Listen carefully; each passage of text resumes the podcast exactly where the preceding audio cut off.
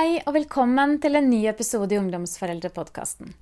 Det er Per Guskar som er gjest i denne episoden, og temaet er depresjon. Hva vil det si å være deprimert, egentlig? Hva er forskjellen på å være deprimert og det å være lei seg? Av dette vet Per Guskar mye om. Han har hatt tre alvorlige runder med depresjon i livet, og har ca. 500 døgn som innlagt på institusjon bak seg. Selv så har jeg aldri opplevd depresjon, og jeg trenger å lære om det. Og det gjorde jeg av denne praten. Hvilke tegn er det vi skal se etter? Hvordan kan vi bry oss på en god måte? Og hva er det som hjelper? Kanskje syns du det er et litt dystert tema nå i førjulstiden. Men så er jo også dette tiden da vi er litt ekstra sårbare. Da vi kjenner litt ekstra på følelsene. Alt blir på en måte litt forstørret den, i den tiden vi nå går inn i. Og for mange er det en vanskelig tid. Jeg håper at du også vil lære noe av denne episoden, kanskje får du noen ideer til hva du kan gjøre for mennesker rundt deg. Kanskje kjenner du noen som trenger en padleåre akkurat nå. For padleårer, ja, det er noe Per bl.a. skriver om i diktet, som du får høre i denne episoden.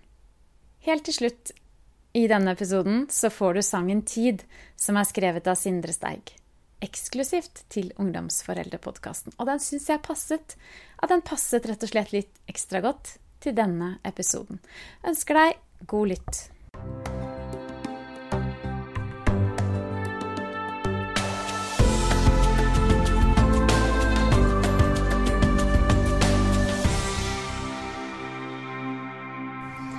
Velkommen til Ungdomsforeldrepodkasten.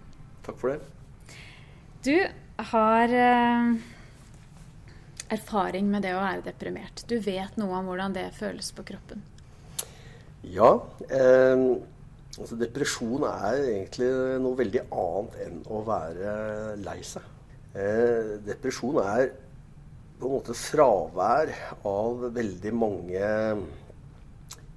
viktige ting vi tar litt for gitt i vår hverdag. Da. Av både gode følelser og dårlige følelser, egentlig. Altså både sinne og og, og, og, gladhet, begeistring, det forsvinner i, i, begge deler, på en måte. Altså, depresjon er fravær av veldig mange ting. Det, jeg syns ofte det er lettere å se på depresjon som fravær av uh, det som gir ditt liv mening. Uh, Hvordan føles det? Nei, det føles som et ganske mørkt sted. Eh, så er det et spørsmål hvor alvorlig det er, da. Eh, og om det er en type tilstand som egentlig krever profesjonell hjelp, eller om det er eh, noe vi kan langt på vei støtte opp med uten å være profesjonelle, men bare være medmennesker. Og det aller meste tenker jeg at uh, vi kan gjøre en veldig stor forskjell bare ved å være den vi, vi er. Ikke være redd så veldig redd for å gjøre feil. Mm. Uh, men hvis det når en viss nivå av alvorlighet, um, så, uh, så, må vi koble inn noen. Og da er det bedre å gjøre det tidlig enn seint. Og, um, og det å skille, eller få hjelp til å skille mellom er dette på en måte innenfor noe friskt, eh, eller er det utenfor noe som eh, er sykdom? Eh, der er det veldig det skrik etter kunnskap om det. Etter å håndtere det. Ja, for jeg tenker det er mange, det er mange foreldre som hører på denne podkasten. Mm. Og de eh, Jeg har fått henvendelser av foreldre som sier at de er bekymra for en tenåring, f.eks. Som de syns virker veldig nedfor. Uh, og så sitter man da i de dilemmaene som mamma eller pappa har. Liksom. Er, det vanlig, er dette vanlig? Er det en del av utviklingen? Hvor lenge Det er jo, det er jo vanlig å være lei seg. Mm. Men hvor lenge kan man være lei seg før det skal liksom uh, blinke litt rødt? Før vi skal liksom kontakte noen og, og, og, gjøre noe med det. Det sitter for mange også veldig langt inne, akkurat det. Det er veldig sånn stort skritt å ta, egentlig. Å kontakte noen og si liksom, 'nå er jeg bekymra'. Ja. Ja. Hva, er det noen tegn? Er det noe som du tenker liksom Når er det, når er det vi skal gjøre det? Ja. Jeg tenker at tap av interesser for uh, ting som ellers har vært eh, spennende for en, eh, en, tenåring eller en hvem som helst. Eh, det er ett tegn. voldsomt voldsom endring i aktivitet, altså ekstrem passivitet. Um, det å på en måte oppsøke noe som er mørkt istedenfor noe som er lyst, på en måte. Um, tilbaketrekking og isolasjon. Um, det er uh, typiske faresignaler. Mangel på søvn, altså skikkelig mangel på søvn, um, er en ganske stort faresignal. Og det kan jo være mange grunner til at, at den type tilstander oppstår eh, på et eller annet tidspunkt for veldig mange av oss. Eh, men det er jo Som regel er det ikke farlig. Som regel er det innafor, tror jeg, normale svingninger. Og jeg har nok et inntrykk av at når det gjelder foreldregenerasjonen som er bekymret for barna sine, så er veldig mye av det vi bekymrer oss for, innafor eh, på en måte normalen. At foreldrene også trenger å få bekreftet at nei, er, du trenger ikke bekymre deg så fælt. Det går i bølger hvordan barna har det. Bare det kan jo være til hjelp, tenker jeg, for, eh, for foreldrene, som er bekymra, selvfølgelig. Men også for deres møte med den tenåringen. Ja. Uh, for jeg tenker bekymra foreldre er heller ikke så lett å håndtere for en tenåring. Nei. Sant? Nei. så det at foreldre kanskje tar opp sin bekymring med noen og, og avklarer liksom, er dette innafor eller er det ikke, bare det kan jo kanskje rett og slett hjelpe litt. Det kan det. Men, men, er det ikke litt sånn Jeg tenker litt sånn at når det er Eh, når det går utover liksom, den daglige aktiviteten, altså så lenge de liksom, kommer seg på skolen uh, Ja, det er liksom punkt én. De kommer seg opp om morgenen, uh, kommer seg på skolen, spiser mm. og sover. Er det, er det liksom ja, ja. ja.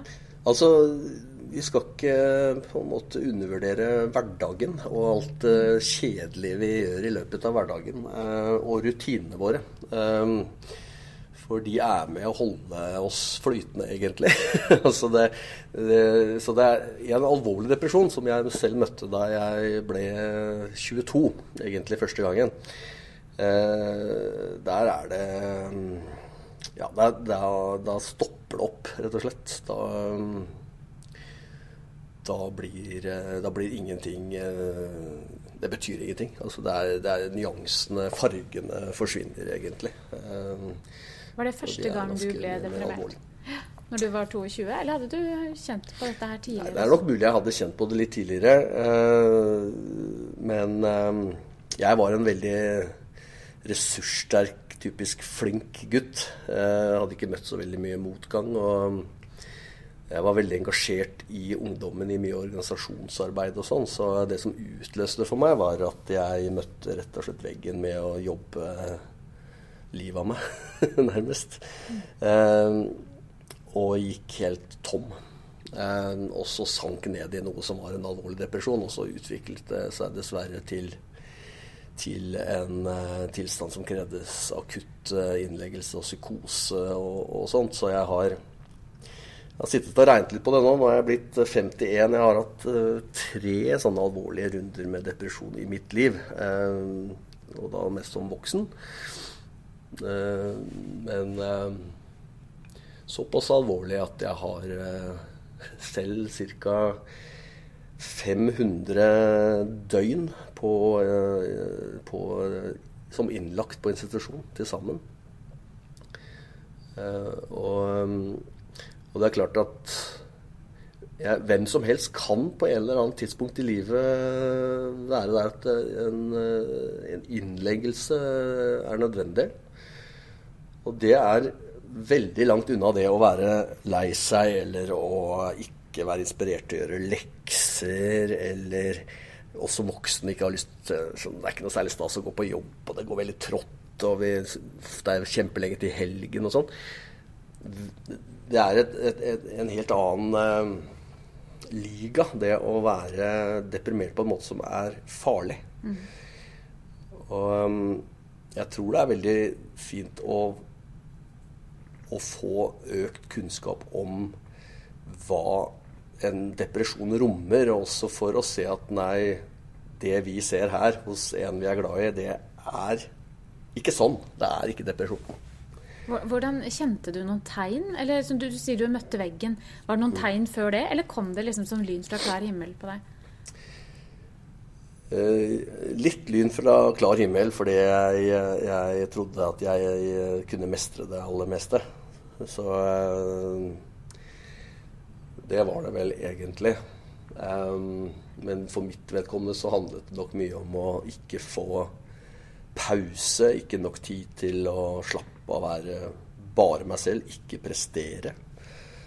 Um, og etter hvert da mangle søvn og hvile. Så akkurat på det tidspunktet jeg uh, fikk dette her rett i trynet, det, det, var jo en situasjon som var litt ekstrem, hvor jeg jobbet ca. 100 timer i uka. Um, og um, det er jo et tidsspørsmål for når det ikke går lenger for de fleste. Altså. Men, uh, men uh, det som ble avdekket, var at jeg var, er veldig sårbar for uh, depresjon. Og det ligger litt latent i familien, som jeg etter hvert har funnet ut. Dette ble ikke snakket så mye om da jeg vokste opp. I dag er det mye mer åpenhet, heldigvis. Da. Men det er mye åpenhet og mye aksept, men det er mye usikkerhet. Og det er mye behov for kunnskap, rett og slett. Ja, for vi snakker mye om psykisk helse nå. Mm. Alle har en psykisk helse. Og det er egentlig ganske Ja, jeg tenker at vi har fjernet mange tabuer eh, rundt det der. Men samtidig så syns jeg også at det hersker en litt sånn uro rundt det. Eh, og hos ungdom eh, litt sånn stress. Um, har vi, har, vi, har vi, begynt å kjenne etter for mye? Tenker du om det? Ja, jeg tror vi kanskje ikke vi kjenner etter for mye. Jeg tror egentlig vi kjenner etter litt for lite. Ja. Men vi eh, tror, vi har forventninger om at eh, vi skal prestere på så veldig mange ting samtidig. Hvis jeg spør om hvordan har du det i dag, en, da tenker ofte, hvis man skal sette en skala da, fra én til ti, så sier de fleste sju eller åtte.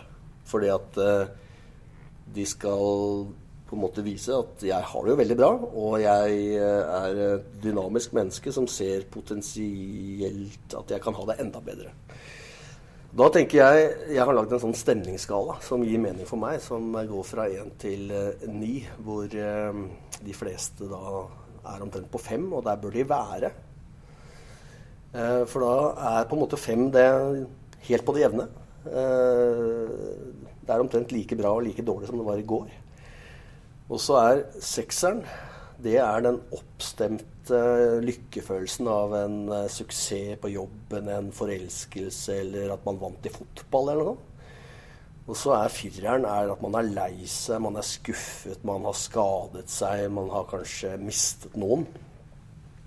Og da er fire, fem og seks det er på en måte innenfor uh, det friske. Og jeg tror at sånn som vi lever i dag, og kanskje da er veldig opptatt av psykisk helse for så vidt, så, så, har vi det stort sett som Vi er stort sett på fem, og det skal vi være glad for. På Facebook er vi på seks. For der viser vi eh, lykken vår, og vi speiler andre veldig mye ved å se at det de forteller om, er når de er på tallet seks på min skala fra én til ni. Eh, så skal vi være, ha lov til å være på fire ganske lenge, sannsynligvis. Og I hvert fall hvis, har, eh, hvis, det er en sorg, og den kan jo oppleves sterkt for noen, selv om ikke folk utenfra skjønner det. Og jeg tror nok at vi har begynt å kanskje være redd for at det er noe galt, eh, alvorlig galt, ved at man er nedstemt på en sånn firer. Eh, og, man har det ikke så veldig bra. Eller man er veldig lei seg. Og så eh, er det kanskje en fare ved å diagnostisere det, eller kalle det for depresjon. Og lese seg opp på depresjon og bli veldig redd.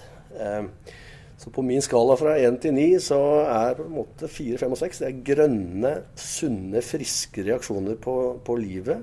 Og så er da 3 og 7 en sånn gul, uh, gule lys på uh, Ja, vi er litt utafor der det bør være. Og så er det røde soner på begge sider som er det syke. Eh, og da det veldig depressive mørket på én og to. Og det maniske, hektiske, psykotiske på åtte og ni, som også er et utslag av depresjon. Det er bare at det ser helt annerledes ut utenfra. Og det er det jo vi som eh, i tillegg har da en bipolar diagnose, som jeg har, vi eh, er mer sårbare for å strekke den strikken ut i både det maniske på den ene siden og det veldig dypt depressive på den andre.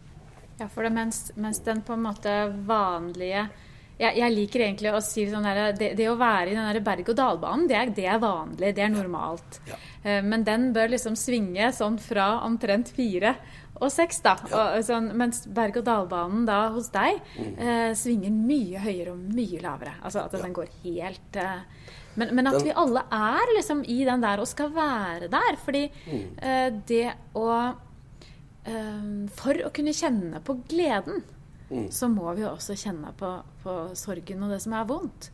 Tenker jeg. Ja. Eh, for å kjenne det igjen. For å vite hva er det som er hva, og hva liksom Sant? Det der er jo litt sånn vektskål, men så er det ja, er det når det svinger for mye at, at det skal ja. Noen er mer sårbare enn andre. Disponert eh, mer for å, å, få den strikken de berg-og-dal-banene, litt lenger ut. Da. Mm. Og, eh, og stress det kan være veldig mye forskjellig, men det er jo med å utløse eh, depresjon også.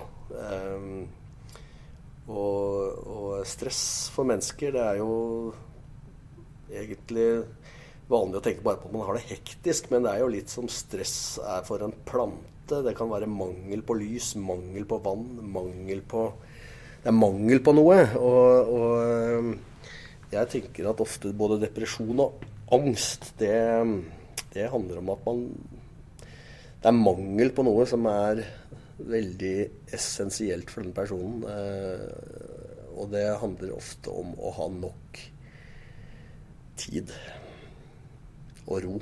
Eh, og komme på en måte à jour med, med hva livet gjør med oss underveis. Så for å holde oss litt sånn der i midten på den skalaen, så, så må vi altså, ta vare på disse her sånn basale behovene, er det det du tenker? Altså søvn, mat, ikke for mye stress, ikke Ja, liksom de disse tingene. Ja, og så tror jeg det er veldig forskjellig hvor mye stress vi egentlig tåler, eller hvilken type stress vi tåler. Mm. Så hvis vi ikke kjenner oss selv igjen da, i et familiemedlem eller venn eller en kollega som reagerer på noe vi tror kan være depresjon, så er det ikke sikkert vi skjønner noe som helst av hvorfor er det mennesket der. Altså, du har jo masse venner, du har telefonlista full på mobilen, du har penger i banken, du er kanskje ved god fysisk helse. Hvorfor er du der? Eh, så depresjon er noe veldig individuelt. Og, og det er, handler ikke om at man kan komme ut av det ved å bare skjerpe seg, hvis man er kommet utenfor den skalaen fra fire til seks. For det var mitt neste spørsmål. Hvis jeg er utafor der, da. Mm. Eh, si jeg er nedpå 1-2. Eh, ordentlig, ordentlig nedfor. Og har vært det over tid. Og, ikke sant? Eh, hva, hva, hjelper da? Ja, på 1 og 2 har de fleste heldigvis ikke vært. Eh, jeg vil påstå at jeg selv ut fra den skalaen jeg definerer fra 1 til 9, så har jeg vært alle steder. Eh, men eh, Tre, da. Er vi nede på tre? Vi kan eh, fort komme ned på to og tre. Eller tre, i hvert fall. Ja. Eh, veldig ja. mange. Og kanskje også to. Altså en, en, depresjon som i hvert fall krever uh, en eller annen form mm. for behandling. Um, ja, da Da merker vi at vi um, Vi faller ut, egentlig. Det er veldig ensomt. Jeg tror mange merker det som at um, jeg, ting som betydde noe for meg før, betyr ikke noe lenger. Det er en form for eh, litt sånn like likegyldighet. Um, og etter hvert at vi ikke bryr oss om egentlig hva vi gjør eller sier, eller vi går gjerne litt utover etter hvert ting som personlig hygiene. Eh, bryr oss veldig lite. Og, og det er jo tilstander som folk ikke syns er så veldig hyggelig eh, å være sammen med folk som på en måte viser sånne tegn. Så da får man litt dårlige tilbakemeldinger òg. Så blir man enda litt mer minnet om en den, sånn, hvor, hvor uh, utilstrekkelig uh, dårlig man virker inn på omgivelsene sine. Og så blir det en ond sirkel. Uh, og um, nå har det jo vært i det siste en del snakk om farer for Eller folk som går og tenker på selvmord og er så dypt fortvilet at de syns ikke de, de, vurderer om de i det hele tatt vil leve. Og da bør vi i hvert fall snakke om det også, for det Jeg har jo vært eh, i prat med mange, jeg, som, eh, som har opplevd selvmord i, eh, i nære relasjoner. Og det er jo ingen som sier seinere at vi burde ikke ha snakket om det. Det er jo eh, Alle sier jo det at uh, dette skulle vi snakket mer om og visst mer om. Uh, og fått høre mer om.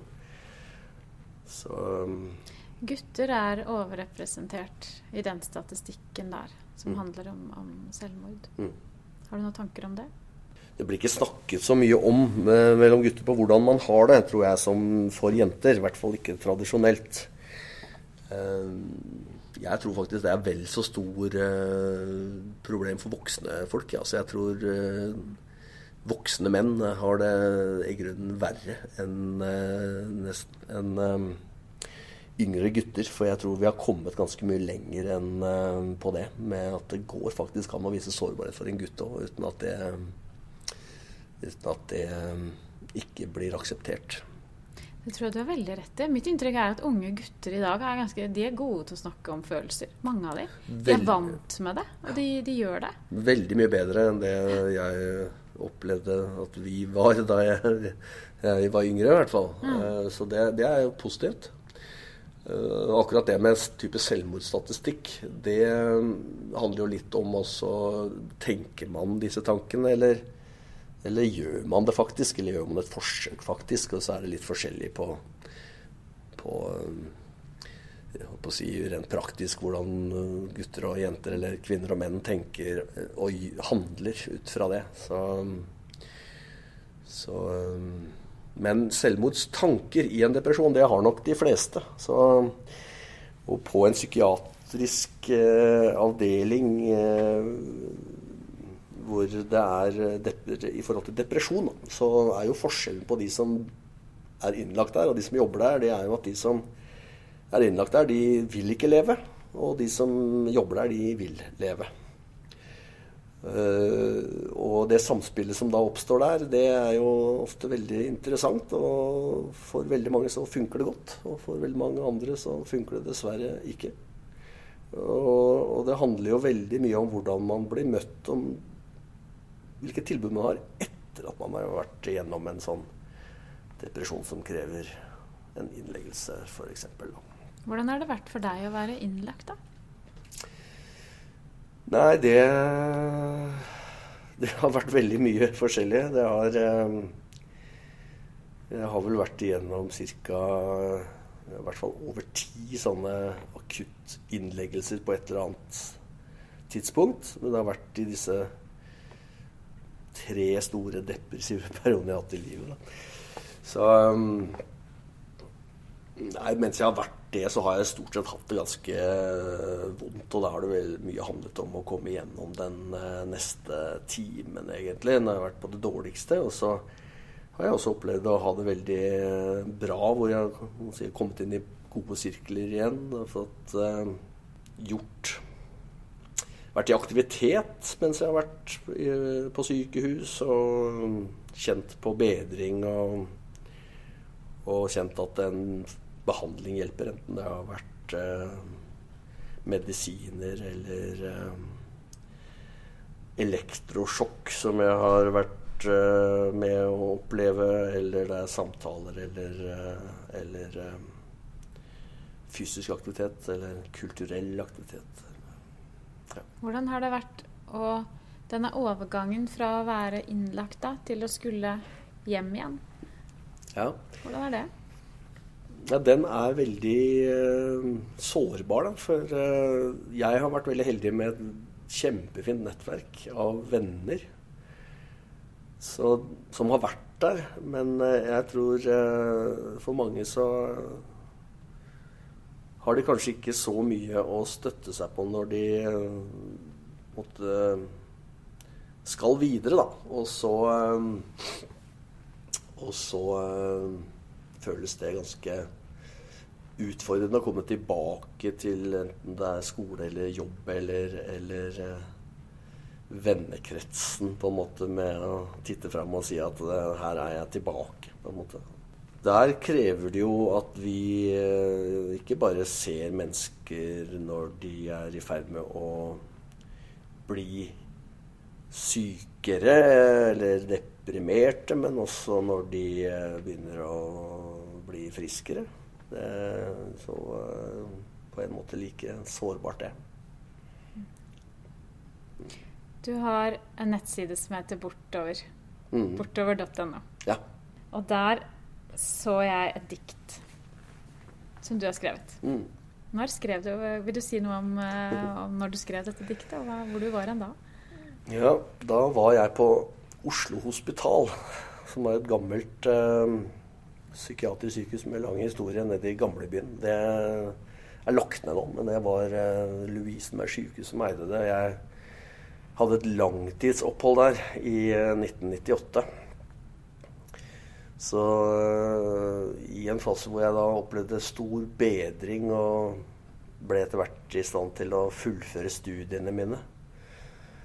Etter det så um, så skrev jeg både litt dikt og mye musikk og litt av hvert. Og akkurat det diktet det er skrevet mens jeg kjente at nå begynte det å gå over.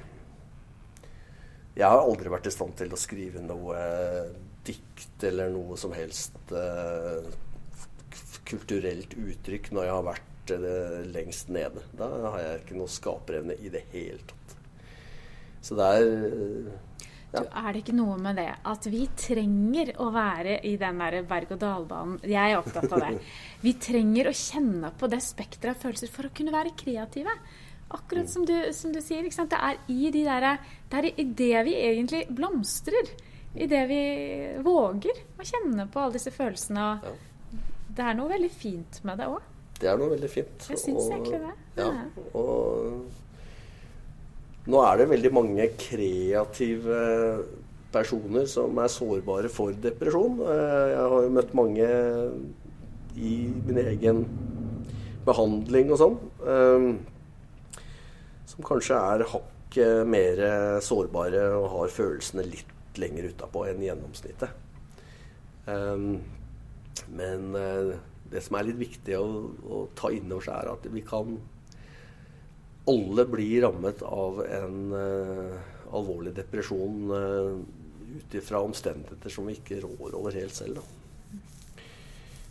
Så, men jeg har blitt veldig mye bedre da flere ganger. Jeg sitter her i dag og er glad for det. Jeg um, har jobba i 17 år i full jobb etter å ha kommet ut fra dette Oslo Hospital i 1998.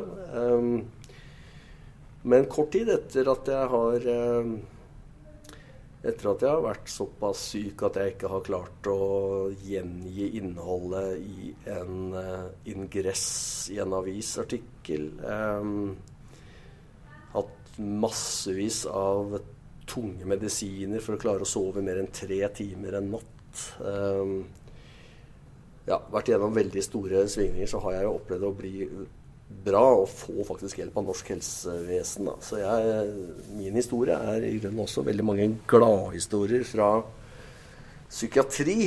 Og um, det er litt viktig at vi hører om det òg. Eh, ikke bare om eh, fortvilte pårørende som er forbanna over at man ikke får den rette hjelpen.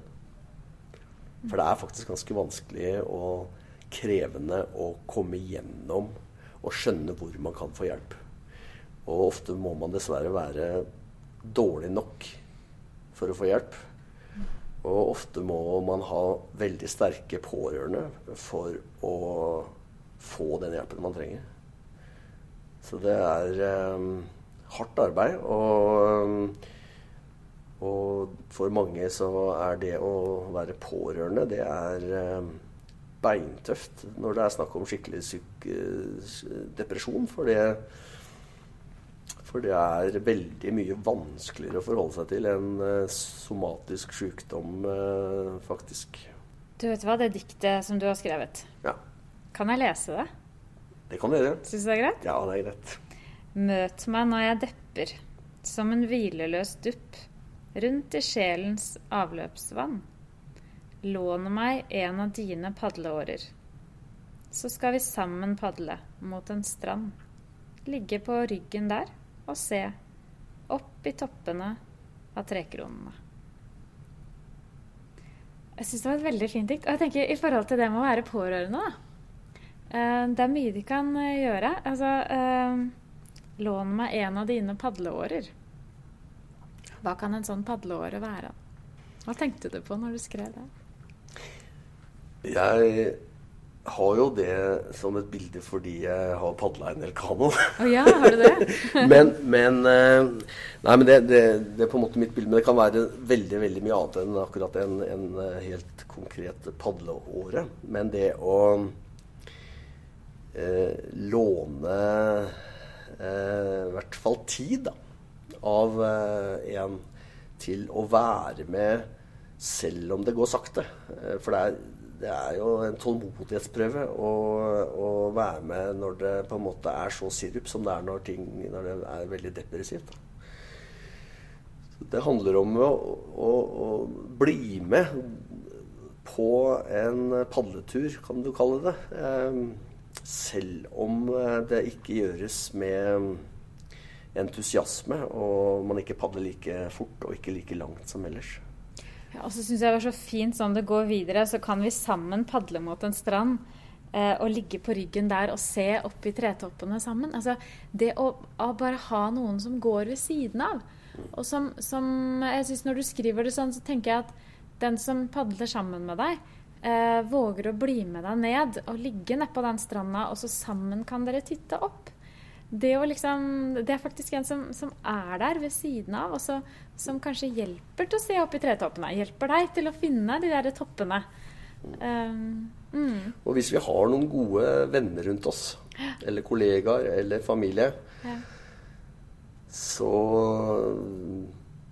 har de ofte lyst til å være med på det og se opp i de tretoppene eh, hvis de får sjansen. Så, um, men de vet ikke helt hvordan de skal gjøre det, eh, og når de skal gjøre det. Eh, og jeg husker veldig godt en eh, fra en tid jeg var lagt inn på Ullevål sykehus over tid. Eh, en opptur der var sammen med en ekstravakt som Enten så var han skuespiller eller uh, han, var, ja, han i hvert fall gikk sammen med meg på tur.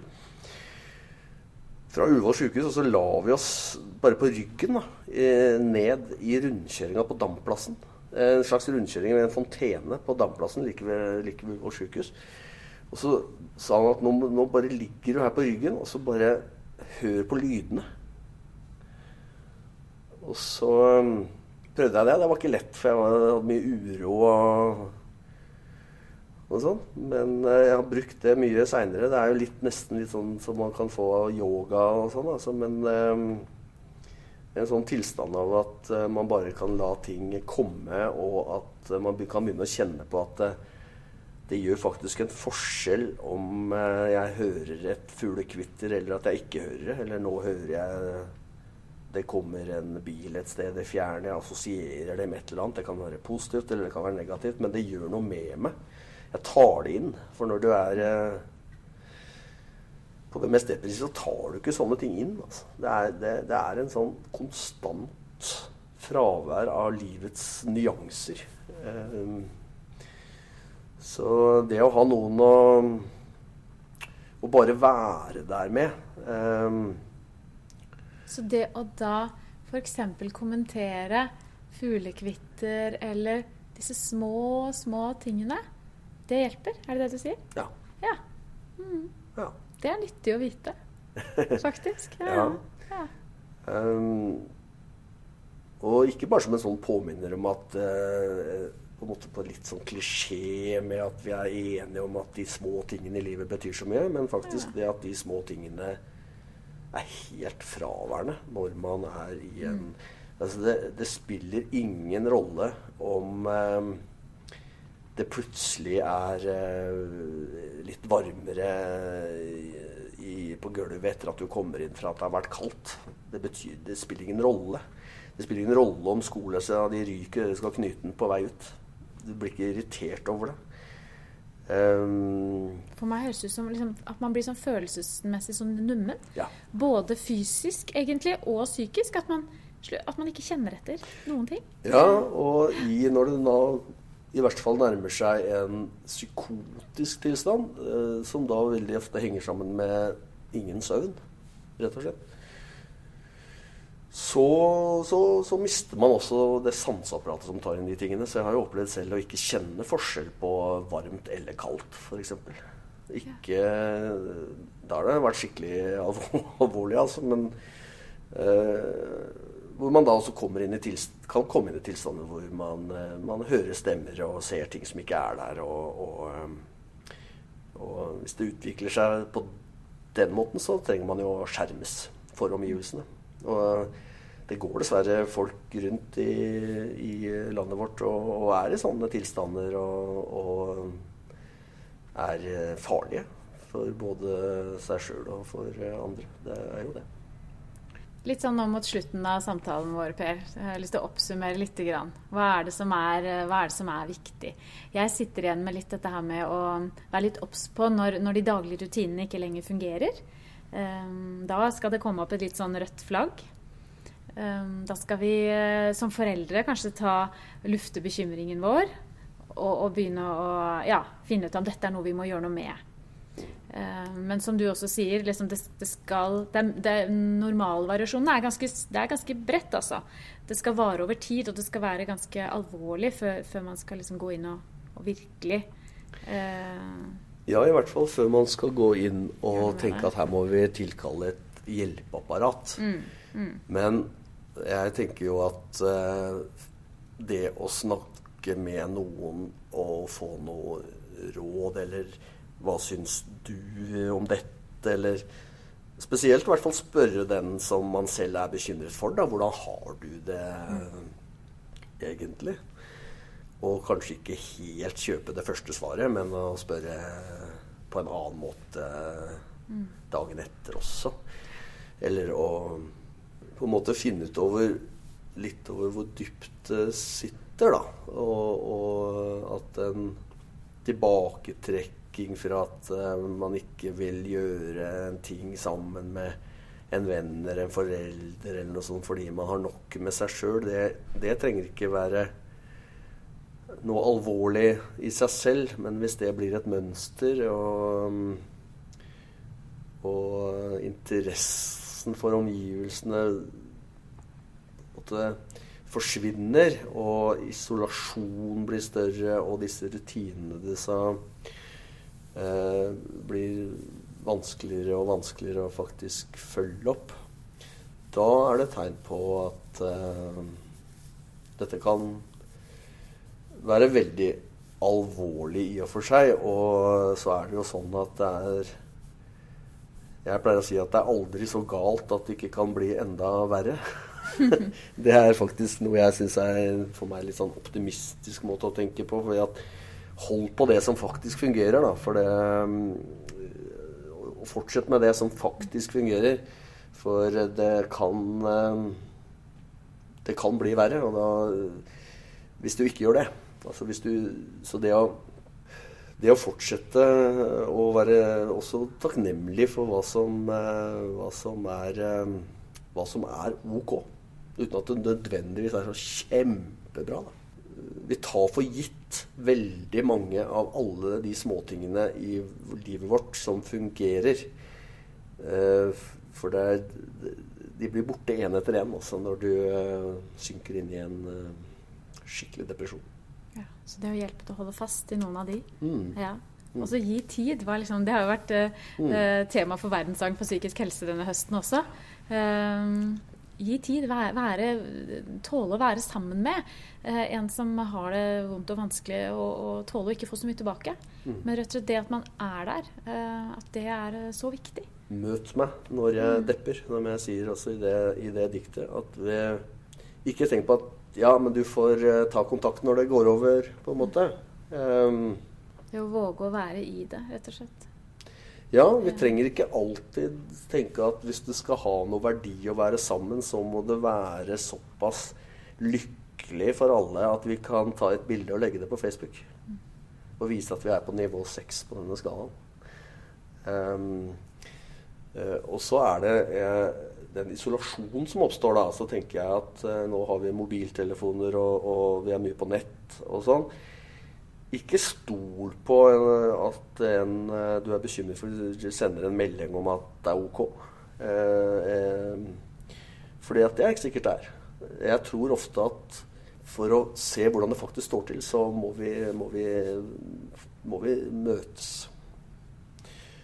Og du må kanskje på besøk til den personen som eh, egentlig ikke har lyst på besøk, for å se at eh, her er det ikke handla mat på en uke, eller eh, her eh, er det tydelige tegn på at eh, denne personen eh, fungerer ikke i hverdagen, og her må vi finne på noe. Her må vi gjøre noe. Mm. Du, jeg spør en del av gjestene mine om hvordan eh, deres tenåringstid var, og det har jeg lyst til å spørre deg om. Ja. Hvordan var tenårene? Tenårene for meg, det var uh, vel at uh, hver høst så skrev jeg et tall som var et tall høyere på hvilken klasse jeg skulle begynne i. Um, om vinteren gikk jeg på ski, og om sommeren seilte jeg seilbrett.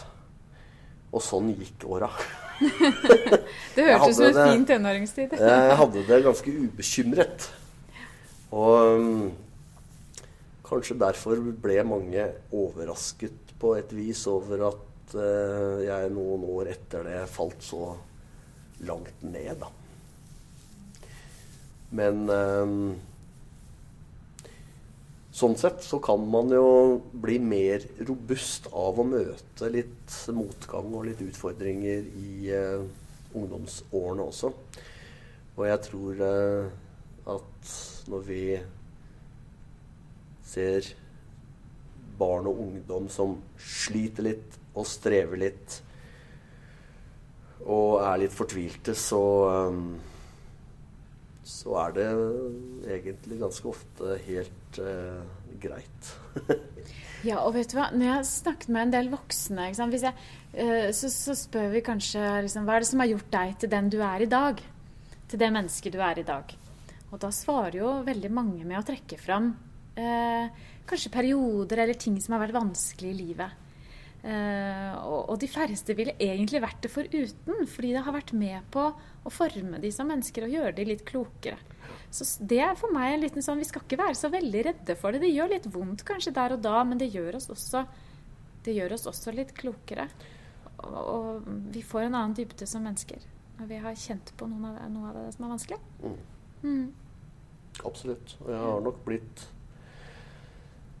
tror jeg selv, veldig mye klokere av de rundene jeg har hatt med depresjon. Så hvis jeg klarer å bruke det til noe også nå ved å nå fram til noe som gir mening til andre som trenger kunnskap om eh, depresjon, og, og få litt flere verktøy til å støtte som pårørende eller eh, en annen relasjon, så, så syns jeg jo det er veldig fint. Så jeg kan det.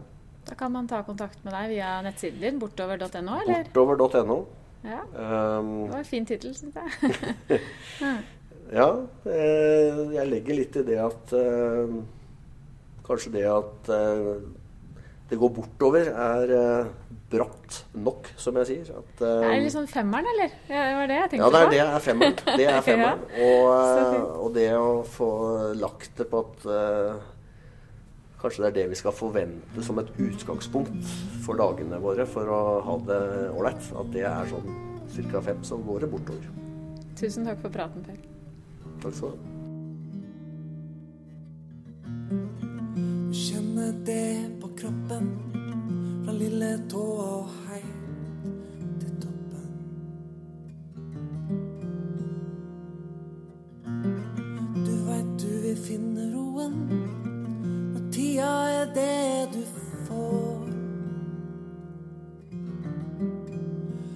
du er leita lenge etter hva tida kan føre med. For Det fins mer enn bare opp og ned. Det står ikke mellom himmel og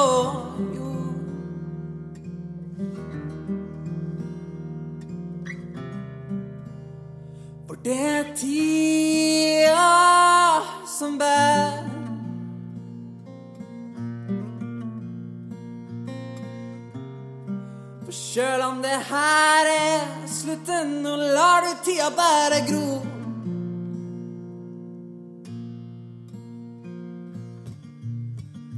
Klokka tikker langsomt og treigere enn før.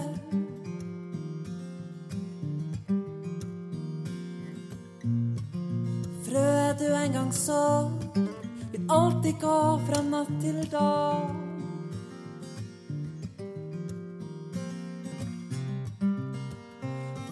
For tida som bærer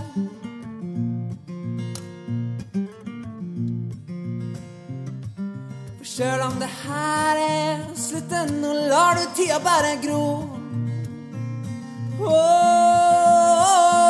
Sjøl om tida går ut av systemet.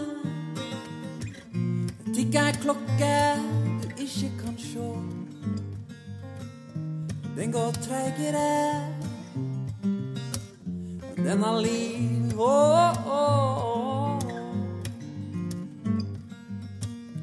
Den går treigere, ja, så treig som aldri før, men det er tid.